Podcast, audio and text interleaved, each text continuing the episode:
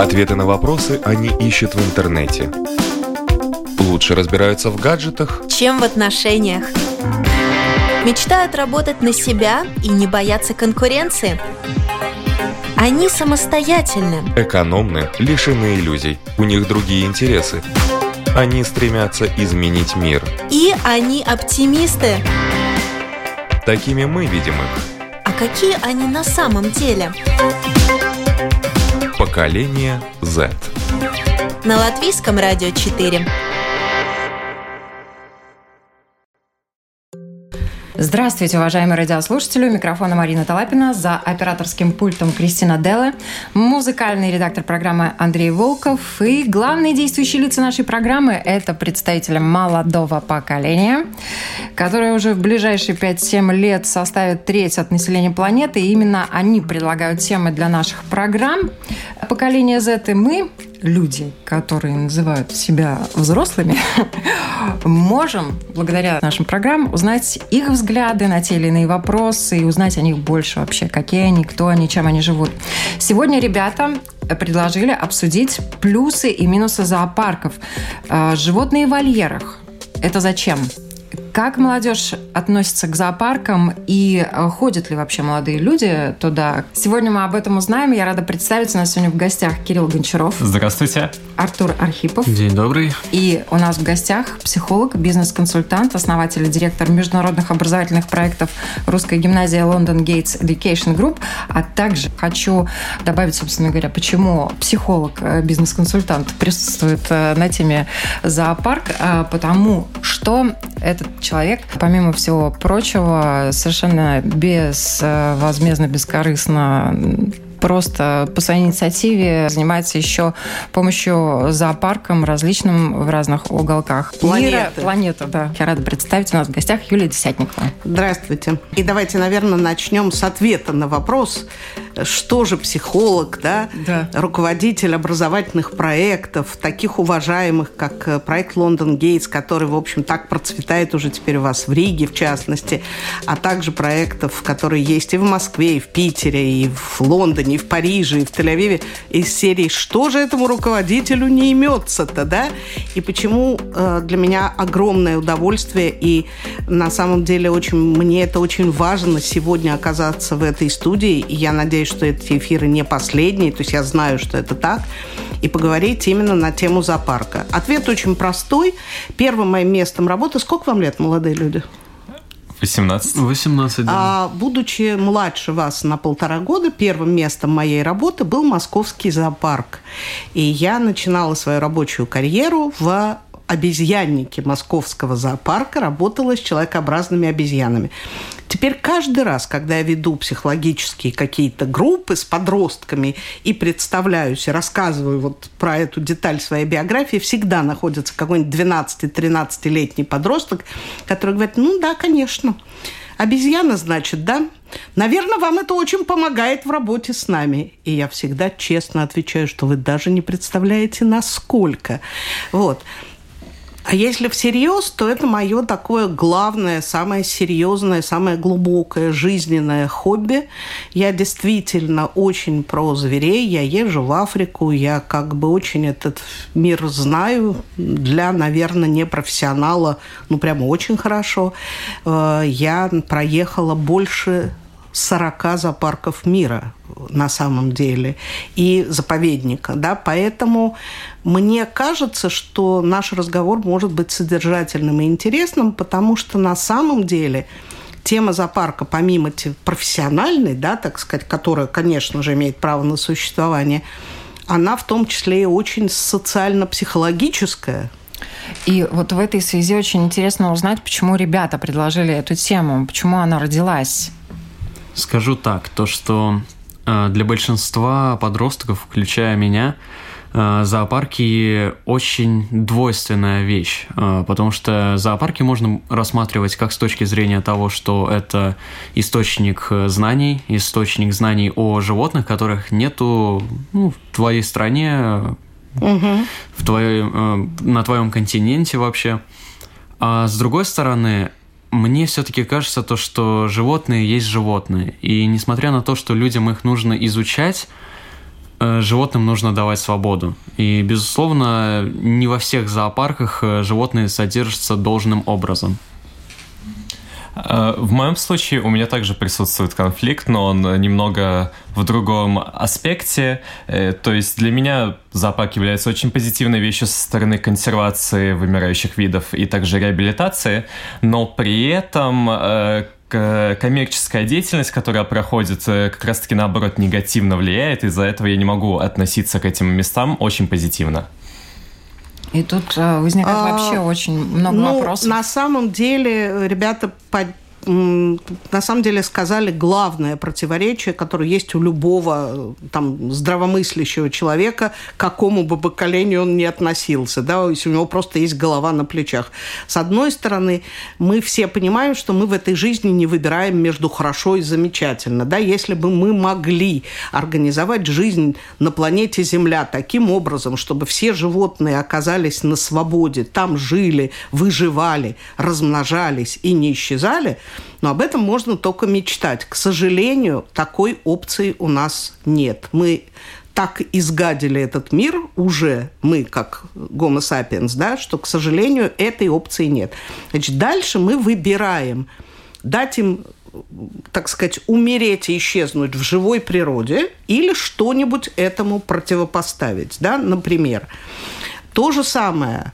А, зоопарк не является в чистом виде научной историей, да, то есть есть центр консервации животных, да, которые в норме, особенно, ну, в мире цивилизованном, да, они как бы служат в чистом виде биологической научной цели, и там все как бы попроще с этикой, да, потому что люди занимаются, например, консервацией или они занимаются консервацией, а потом возвращением каких-то популяций в живую природу.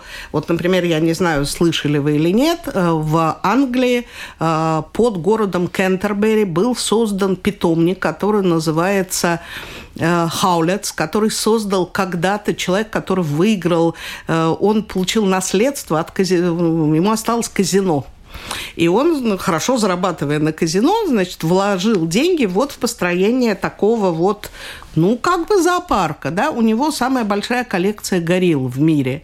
Дальше он купил еще много, там сколько-то, больше 30 гектар тоже в Англии, недалеко от Кентербери, в другую сторону, ближе к океану, и построил там тоже огромный такой сафари-парк, и, значит, у него так настолько большая коллекция этих горилл, они настолько у него хорошо размножаются, что он не успокоился и купил землю в, в стране Габон, не поверите. И туда у него есть целая программа реинтродукции э, горилл в дикую природу. Да? Это вот история, ну, прям вот такого безусловная, да, так сказать. Тут все про добро. Как только мы с вами начинаем говорить про зоопарк, то сразу появляется бесконечное количество «но». Да, бесконечное. Качество вольера, качество содержания животных, а, коммерческая деятельность, ты совершенно прав, да, которая очень часто становится ведущей, да, кафе, а, концерт на территории зоопарка, тут салют, там еще что-то, а как это влияет?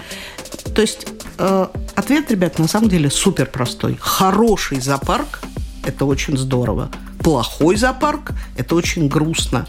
Много ли хороших зоопарков? К сожалению, не очень. Вот, собственно, история такая про зоопарк. Говоря конкретно про э, сохранение видов каких-то или сохранение животных в природе, э, да, я безусловно согласен, то, что зоопарки и заповедники это вот единственный вариант, который может быть. Однако мне кажется, то, что в 21 веке, да и ладно, в 20 веке зоопарки немного имеют другую историю. Они больше превратились в развлекаловку. То есть э, там, куда просто возят детей, чтобы они посмотрели на смешных животных. Животные же не все э, являются э, вымирающими видами, и они не все э, обязаны находиться в этом зоопарке. Ну, чтобы так сложилось. Э, например, те же обезьяны определенного вида, они могут существовать в своей обычной среде, несмотря на то, что какую-то часть Земли мы действительно загадили. С этим я согласен. А, ну, ты, конечно же, прав. Но смотри, у зоопарка на самом деле много ролей. А, с одной стороны, мы стали говорить о самой привлекательной роли – это консервация и сохранение исчезающих видов. Есть еще и история такая, ну, как бы социальная, да, действительно, то, с чего ты сегодня начал. Это возможность дать человеку прикоснуться к чему-то, чего он в своей жизни увидеть не может, да, и это для него колоссальный, так сказать, стимул такой, да, и это тут мы уже начинаем говорить про то, как мы выращиваем детей, какие ценности, что, чего, насколько мы за счет этого можем формировать ценность у человека, опять же, вот отношение к живой природе, да, потому что сформировать ее абстрактно на картинках – это, в общем, история пустая. Один аспект. Второй аспект – мы не начинаем писать историю с нуля. Если бы начинали, ты был бы прав.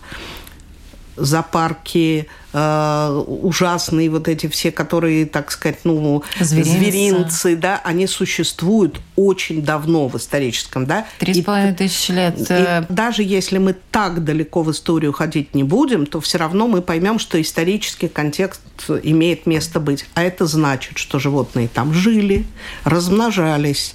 А, более того, мы социально животных очень плохо защищаем. Например, я не знаю, знаете ли вы или нет, купить львенка сегодня не стоит ничего. Набираешь в Гугле купить львенка, купить феника, купить вообще не вопрос. Покупают их довольно много. Дальше они доживают этих людей 2-3 месяца, они с ними фотографируются и получают большое удовольствие.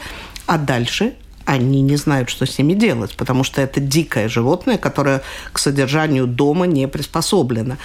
То есть, соответственно, вопрос о том, как и откуда животное попадает в зоопарк, это тоже очень интересный вопрос. Да? Другой вопрос, опять же, мы целиком и полностью все равно упремся в то, что это за условия, а, зоопарк частный или зоопарк государственный, сколько денег тратит, если это государство, на, то, на условия содержания. Если это частный зоопарк, кто является его владельцем и какие цели этот человек перед собой ставит. А это может быть очень по-разному.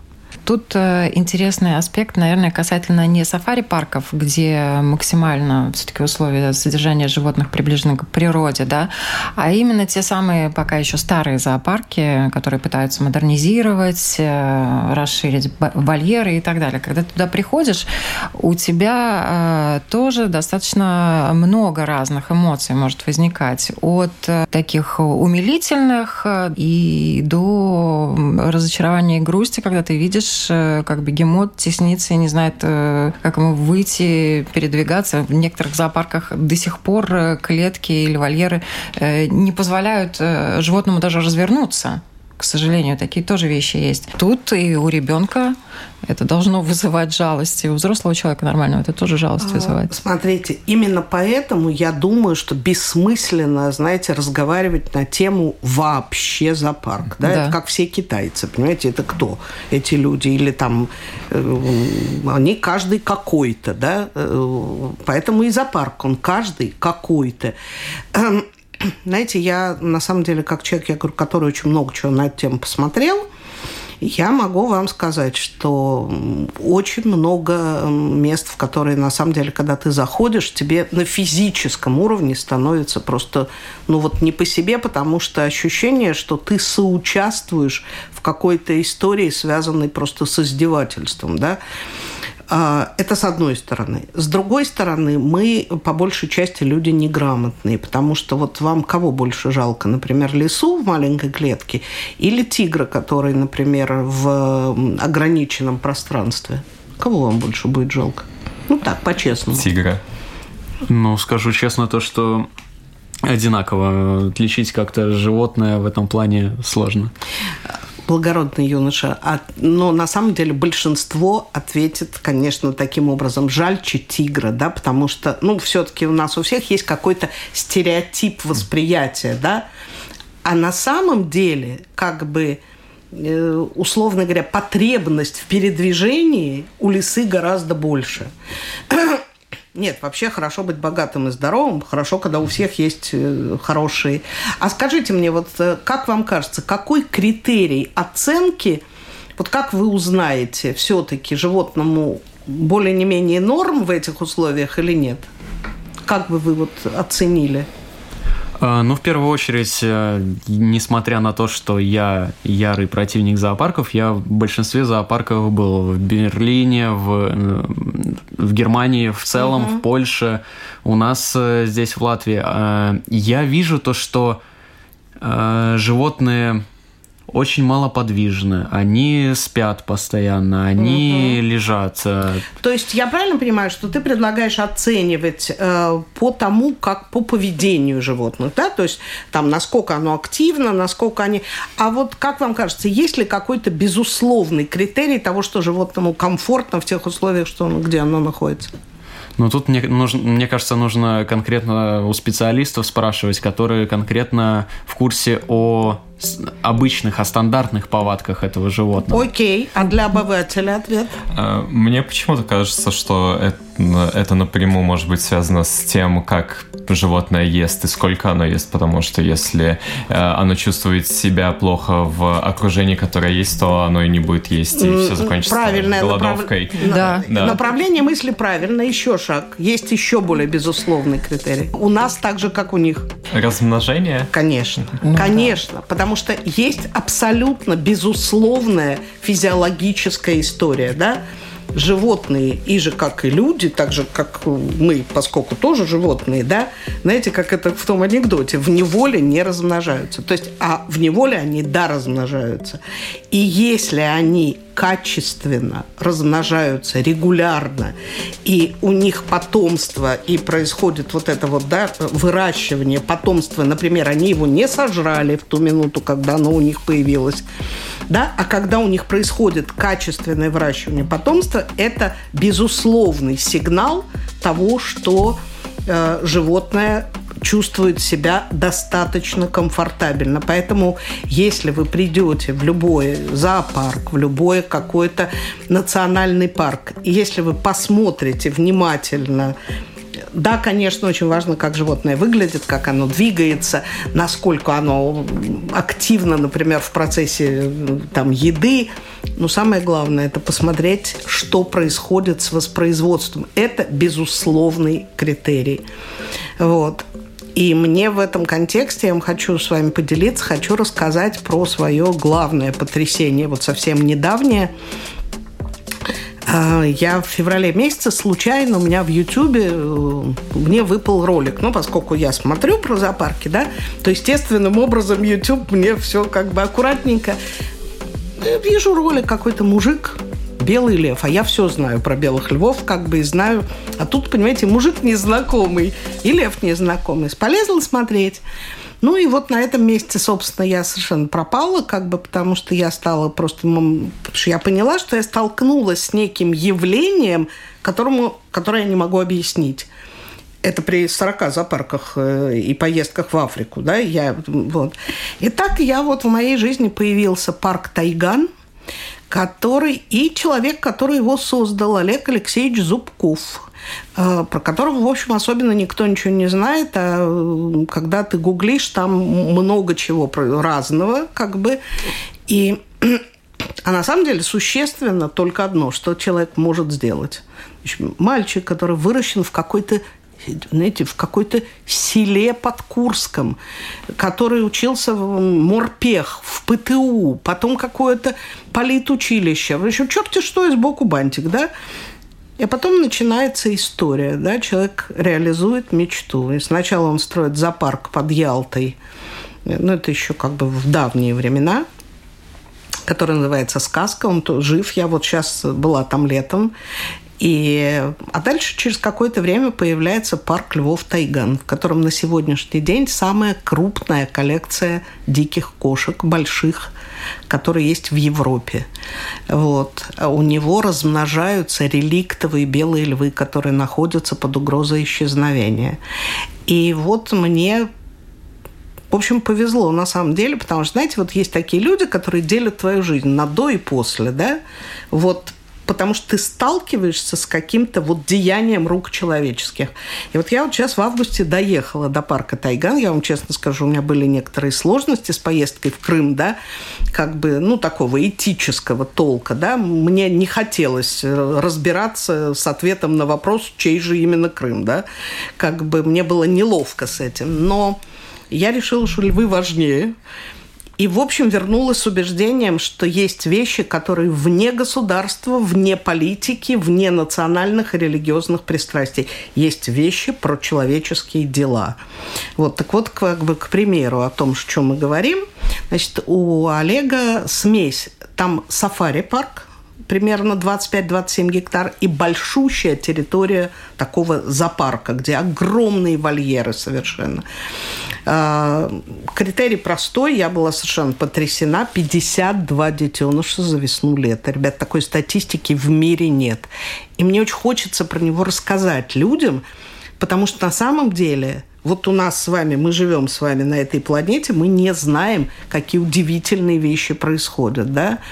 А, при этом речь идет о редких и исчезающих видах, таких как белые львы, амурские леопарды – уссурийские тигры. 14 детенышей уссурийского тигра родилось за весну-лето. Я не знаю, слышали вы или нет, в России есть президентская программа по сохранению уссурийского тигра. Я не буду вам рассказывать, как у них обстоят дела, чтобы мы сейчас с вами не расстраивались. Вот, вот такой вот у меня случился. Поэтому, понимаете, все очень зависит от того, какой зоопарк и кто его делает. И тут главный вопрос, зоопарк для людей или для животных? Да? Как много посетителей у этого зоопарка? А, довольно много, довольно много. У них много подписчиков на YouTube. Я вам должна сказать, что зоопарк в норме и для людей, и для животных. Потому что вот я вам рассказала историю чисто биологическую. Да, вот звери вот размножаются, вот условия, да, вот они выглядят роскошно, они прекрасно двигаются. Все, знаешь, вот все, как ты рассказал, все в порядке. Вот. А, но кроме всего прочего, мне пришлось там увидеть совершенно уникальные человеческие истории. Например, а, поскольку у них есть вот эта история в ютубовского канала, то их стали видеть люди. У них больше миллиона подписчиков на ютубе, и люди стали видеть. И я, например, видела Значит, пара, сын, ему лет 25, и его мама. Она его привезла на день рождения, на его. Три года копила деньги. Привезла из Ямало-Ненецкого округа. Ребята, вы знаете, что такое Ямало-Ненецкий округ? Далеко. Потом какая-то мама с дочкой из Бельгии, которые приехали в этот ближний свет, да, и сто, значит, находится это под городом Белогорск. Не спрашивайте мне, это значит Симферополь час езды от Симферополя, вот этот вот. Приезжают люди, и я видела глаза этих людей, которые сталкиваются вот с тем, что это абсолютно выглядит не так, как они привыкли к тому, что выглядит. Вот это ощущение неловкости, да, когда ты, тебе вот непонятно, что тебе, когда у тебя вот это ощущение, понимаете, это саванна, в ней 27 львов на свободе гуляют, да, и ты вот... Э, сейчас ему запретили, он вводил в эту саванну, мало того, что этот сумасшедший сам туда ходит, да, и он с ними вступает в интеракцию, он еще вводит туда людей. Потому что ему кажется, у него еще есть концепт, про это я вообще никогда не думала, хотя сама очень про это. Он говорит, что разница, ну, как бы грань между миром людей и миром живой природы, она может стоять не там, где мы привыкли ее традиционно воспринимать, да, и э, давая возможность вот этой интеракции, да, я должна вам сказать, что когда ты руками мол, трогаешь белого льва, и он как бы смотрит тебе в глаза, у тебя переворачивается мир с ног на голову, да? Ты выходишь, и ты живешь другую жизнь. И я видела людей, которые выходят, так сказать, да, оттуда, и вот говорят словами, у меня жизнь разделилась на до и после. Я видела маленьких детей, которые смотрят вот на это вот такими огромными круглыми глазами. И Олег, например, говорит такую вещь, при том, что я говорю, к сожалению, эта услуга сейчас запрещена, и я очень надеюсь. Я понимаю, что это опасно, но тем не менее, много чего в жизни опасно. Вон там э, прыгать с банджи опасно, конный поход опасно. Это также опасно. Э, Олег говорит такую вещь, что человек, который прикоснулся, например, и пережил вот это переживание, да, он никогда больше не сделает как бы никакой гадости вот миру живой природы, потому что очень сильное впечатление. Я склонна предполагать теперь уже как психолог, что это правильный концепт. Вот, вот такая вот история со мной произошла.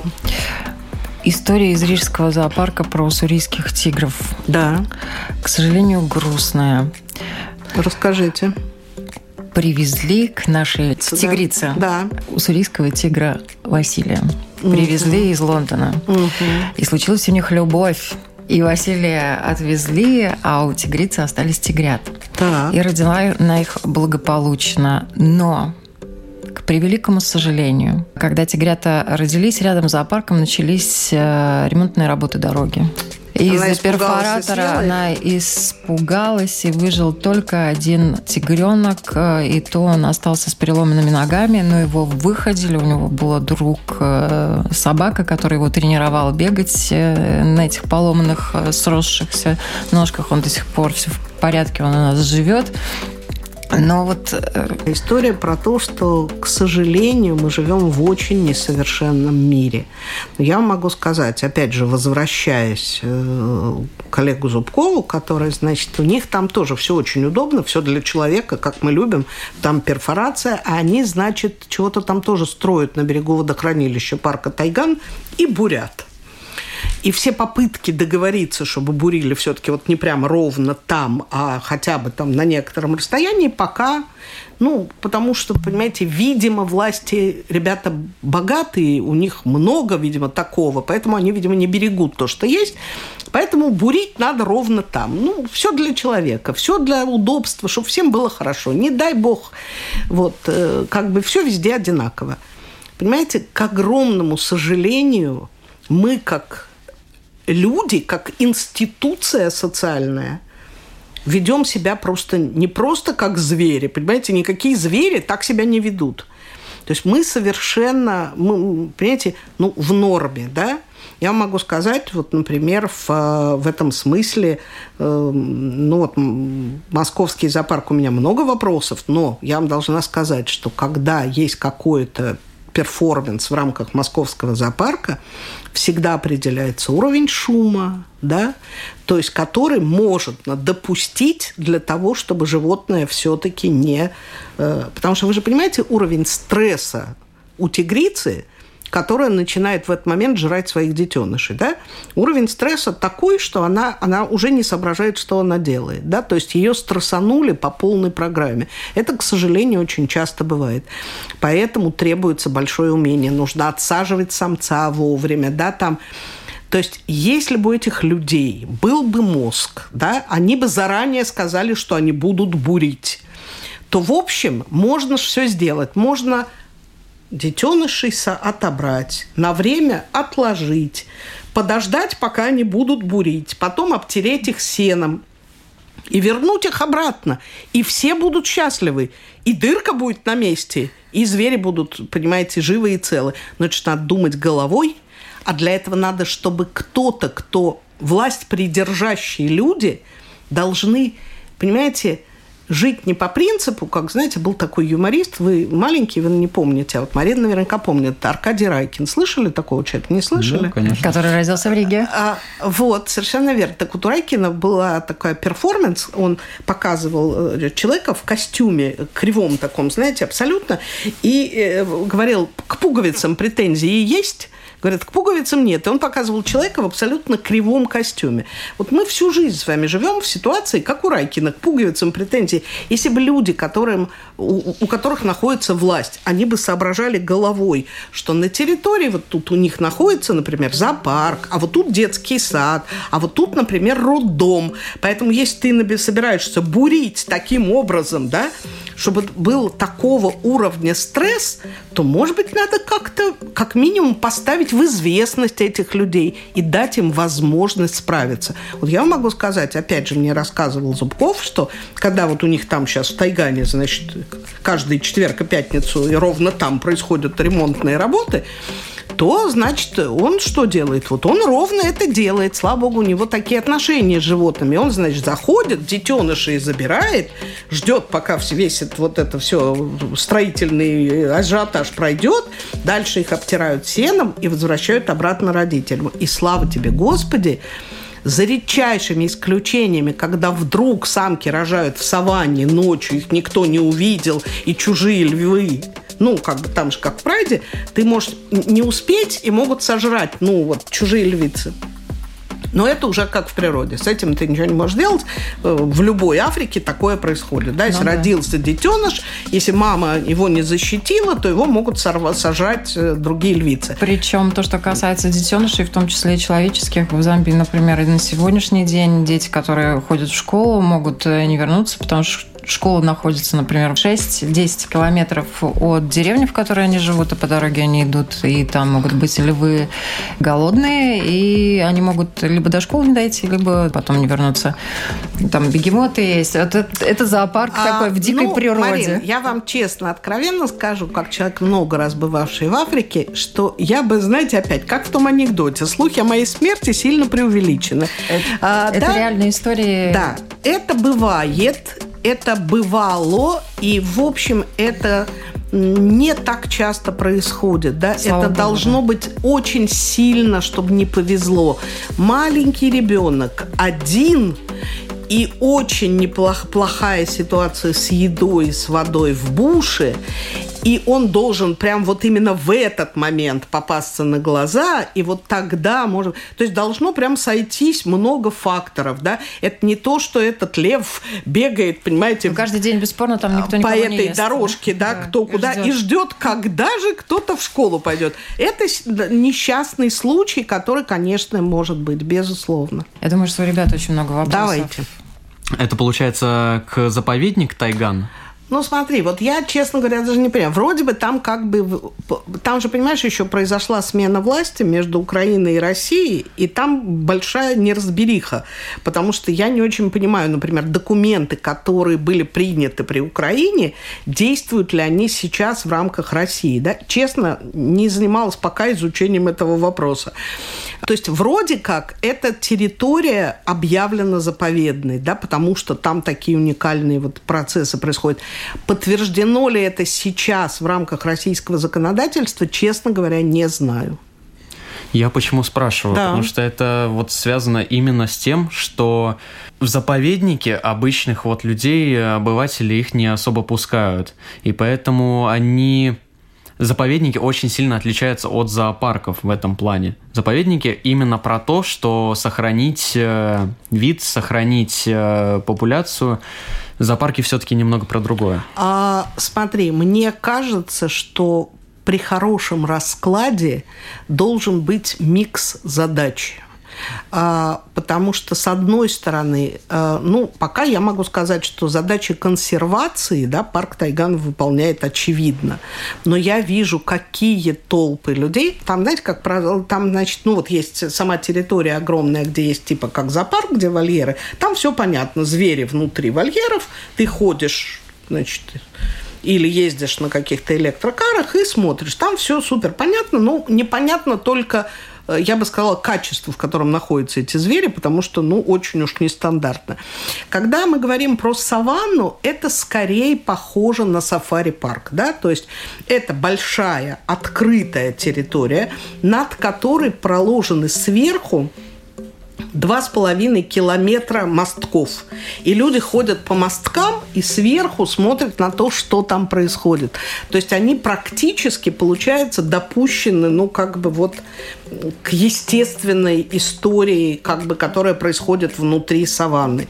А там своя жизнь, там прайды, там дерутся за женщин, там отстаивают главенство, там вожаки, там своя, там идет своя жизнь. А, поэтому, но я могу сказать, что ознакомившись с позицией создателя, Олег Алексеевич говорит, для него очень важную роль в этой истории выполняет интеракция между, еще раз я говорю, миром живой природы и человеком. Да? То есть для него очень важно, что там много людей, что там много детей, и что они видят вот этот нестандартный способ общения человека и животного. Он, для него это важно. Поэтому, наверное, ну, как ты знаешь, 50-50, и то, и все получается. Есть еще очень интересный момент с точки зрения психологии. Что думают животные, глядя на людей, да? Ой, и ребята. были эксперименты. Ой, это потрясающе да. интересно. Это уже тут история отматывается далеко назад, когда я начинала работать, вот была совсем мелкая, я работала с человекообразными обезьянами, и я очень часто оказывалась в ситуации, когда я в клетке, там, а толпа, она, значит, соответственно, с другой стороны. Ребята, это на голову не... Это, это безумно смешно, потому что обезьяны, особенно человекообразные, они начинают пихать друг друга локтями, показывать тебе пальцем на вот этих вот людей, которые там. То есть они смотрят на нас с ничуть не меньшим вниманием, если мы говорим о высокоразвитых животных, чем мы на них. Еще очень смешно, когда животное тебя знает, и ты идешь с внешней стороны. Они начинают пихать друг друга, они начинают смеяться, они начинают показывать на тебя пальцем, потому что их безумно развлекает, что ты почему-то оказался вот вместо того, чтобы быть с ними, ты вот с этими вот дураками снаружи. Вот, поэтому на самом деле животные, конечно, нас видят и они на нас смотрят, если мы говорим о высокоорганизованных животных. Сейчас в Тайгане я это тоже видела. Там очень специальным, знаете, он еще придумал одну вещь, которая очень контрастирует, надо сказать, совсем практически, что я видела. А, если вы были в зоопарке, в Риге, и где угодно, там везде написано «кормить животных запрещается». Да? И в этом есть колоссальный резон, потому что люди не знают меры. И я могу сказать по опыту, опять же, давнишнему в зоопарке, мы теряли животных, потому что их перекармливали посетители. Это дикая трагедия. Что придумал Зубков? У него везде написано «кормить животных можно». И дальше на каждом углу стоят палаточки, в которых продаются специализированные корма. Перепелиные яйца, которые можно дать какой-нибудь насухе. Там такая травка, сякая травка, которой можно покормить копытных. Куриный окорочок, который можно бросить. Он придумал, значит, у него в клетках с хищниками и в сафари тоже, значит, есть такие металлические желобы, которые одним концом выходят сюда, где люди, а другим туда, где животные стороны. И ты можешь этот окорочок туда, значит, опустить. Он туда пролетает, и животное его может съесть. То есть ты можешь кормить тем, что животному полезно. Но при этом у тебя опять возникает интеракция. Значит, мы были там, э, у него в одном из вольеров содержится огромный вольер, совершенно японские макаки. Это не человекообразные обезьяны, это просто макака. Ну, такая разумная в меру, да. Значит, и вот э, орешки, у меня был арахис. Я, значит, кидаю, но с обезьянами нельзя вступать в прямой контакт. Люди этого не понимают, к сожалению. Я там вынуждена была вмешаться в ситуацию. Какой-то безумный папа, э, вольер шимпанзе, он ставит на вольер вот так вот трехлетнего ребенка, чтобы он ему рукой дал. Я говорю, вообще не жалко мальчика, вы его как бы... Потому что останется без руки за одну секунду, да? Вот. Короче, кидаешь в этот жолоб этот орешек, значит, этот самец э, макаки, он его берет, он его аккуратно разгрызает, он его чистит, он его ест. Потом он, значит, и делает руками приветственный такой жест, типа «ну, что дальше?» и смотрит на тебя очень выразительно. У тебя нет вообще сомнений. Я говорю, ну чего, пора? И он такой, хм, то есть они издают... То есть вступает, интеракция происходит мгновенная совершенно. То есть они готовы с нами общаться, если мы вели себя как люди. Давай. А, у меня вопрос немного из другой сферы. А вообще, насколько негативно э, влияет на животных тот факт, что зоопарк, например, находится в центре города, как, например, мы видим в Берлине, то, что напротив центральной стации находится огромный зоопарк. И когда я в последний раз там был, мне было очень жалко смотреть на животных, за которыми виднеются эти высокоэтажные здания. Ты знаешь, а вот здесь я бы очень зависит. Э, опять, если с позиции быть богатым и здоровым, то, конечно, лучше бы нет. Да? Мы все это понимаем. Э, но мы опять живем на грешной земле, да, и э, если уже так случилось, что мы вынуждены содержать животное в неволе, да, то лучше делать это так, как делает Берлинский зоопарк, у которого, где продумано до мельчайших нюансов, как устроен вольер, где продумано до мельчайших нюансов история про... Вот, например, знаете, какая одна из самых главных проблем в содержании животных в зоопарке и в неволе? Э, нам не приходит это в голову. Скука. Животное очень часто погибает от того, что ему скучно.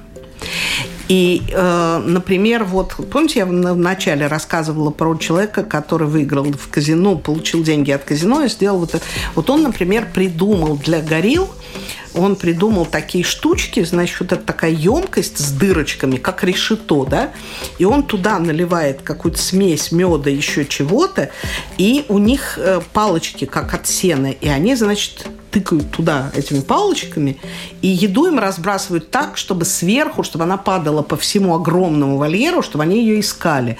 То есть еще есть куча всяких разных таких интеллектуальных ништяков, да, как бы как бы так сделать, чтобы справиться со скукой. Вот в этом смысле, опять же, такого стиля, как берлинский зоопарк, как франкфуртский зоопарк, который придумал Бернард Гржимик, которому мы обязаны тем, что э, сегодня в Африке, в Танзании сохранился один из уникальнейших заповедников Нгора-Нгора и Серенгети. Опять же, будет досуг, посмотрите, блестящая книжка Гржимика «Серенгети не должен умереть». Да, это огромная территория земли, которую нам сохранили. Это опять о роли личности в истории. Это вот Бернар Гжемик, его сын Михаил, который в итоге погиб там над, над Нгора-Нгора, разбился на самолете. Этим людям мы обязаны тем, что сохранена на планете Земля вот такая совершенно уникальная естественная резервация. Да? Это не заповедник, это просто вот кусок земли, который для нас сохранили и отстояли. Да, вот в этом смысле, почему меня так поразило знакомство с Олегом Зубковым, потому что это поступок и деяние вот такого уровня. Да? Человек вот на территории, которая в его который ему принадлежит, зоопарк частный. Ни грамма дотации, ни денежной, никакой. Это он все сам крутит. Вот он пытается делать вещи, которые бы сохраняли нам, да, вот вот эту экосистему, да, совершенно. Поэтому вот, понимаешь, да, Берлинский зоопарк очень деликатен и очень в этом смысле высоко профессионален.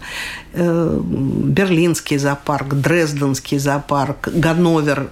В Германии вообще есть в этом смысле. Ну, Франкфурт, который, я говорю, это был создан Гржимиком, э, и в этом смысле у него блестящая история. Все знают про Даррелла, да, конечно же, и про Даррелловский зоопарк, который находится на острове Джерси, да, как бы все книжки Даррелла, которые... А вот, но очень много, конечно, зоопарков, где это прям полная катастрофа, где это крохотные вольеры, где ничего не компенсирует животному. Понимаешь, для, если ты уже посадил его в клетку, ты уже должен ему чем-то это компенсировать. Вот люди типа Джона Спинола, типа Олега Зубкова, они считают, что ты можешь это компенсировать в большой мере с собой. То есть интеракция с человеком это то, что компенсирует вот эту вот историю. Да, это один из возможных да, подходов.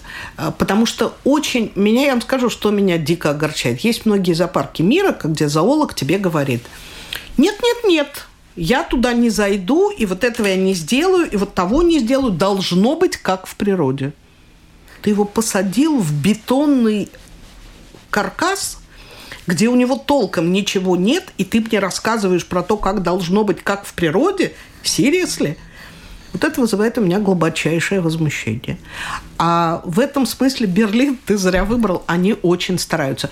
Условия у них сложные. Совершенно правильно говоришь, потому что когда ты в центре города пытаешься делать это по-человечески, тебе очень трудно. В этом смысле в Крыму ловчее.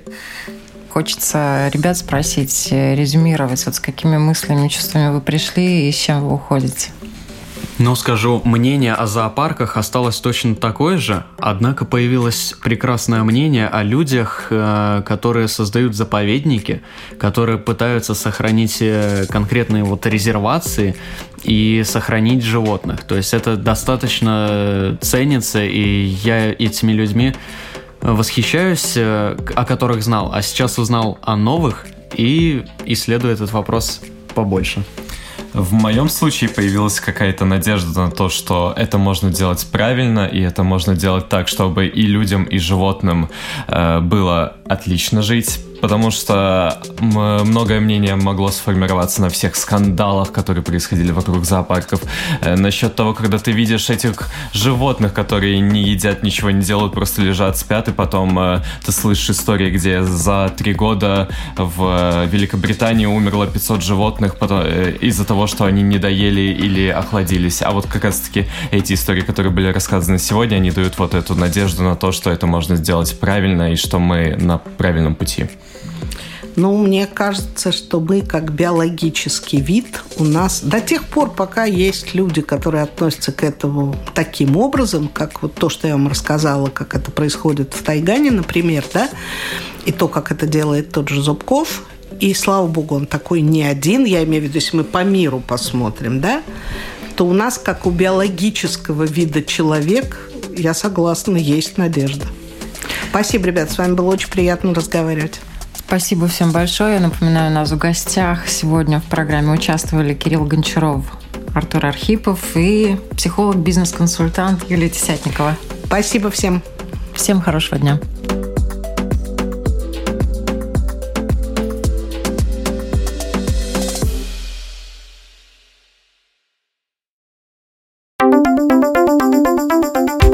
Ответы на вопросы они ищут в интернете лучше разбираются в гаджетах, чем в отношениях.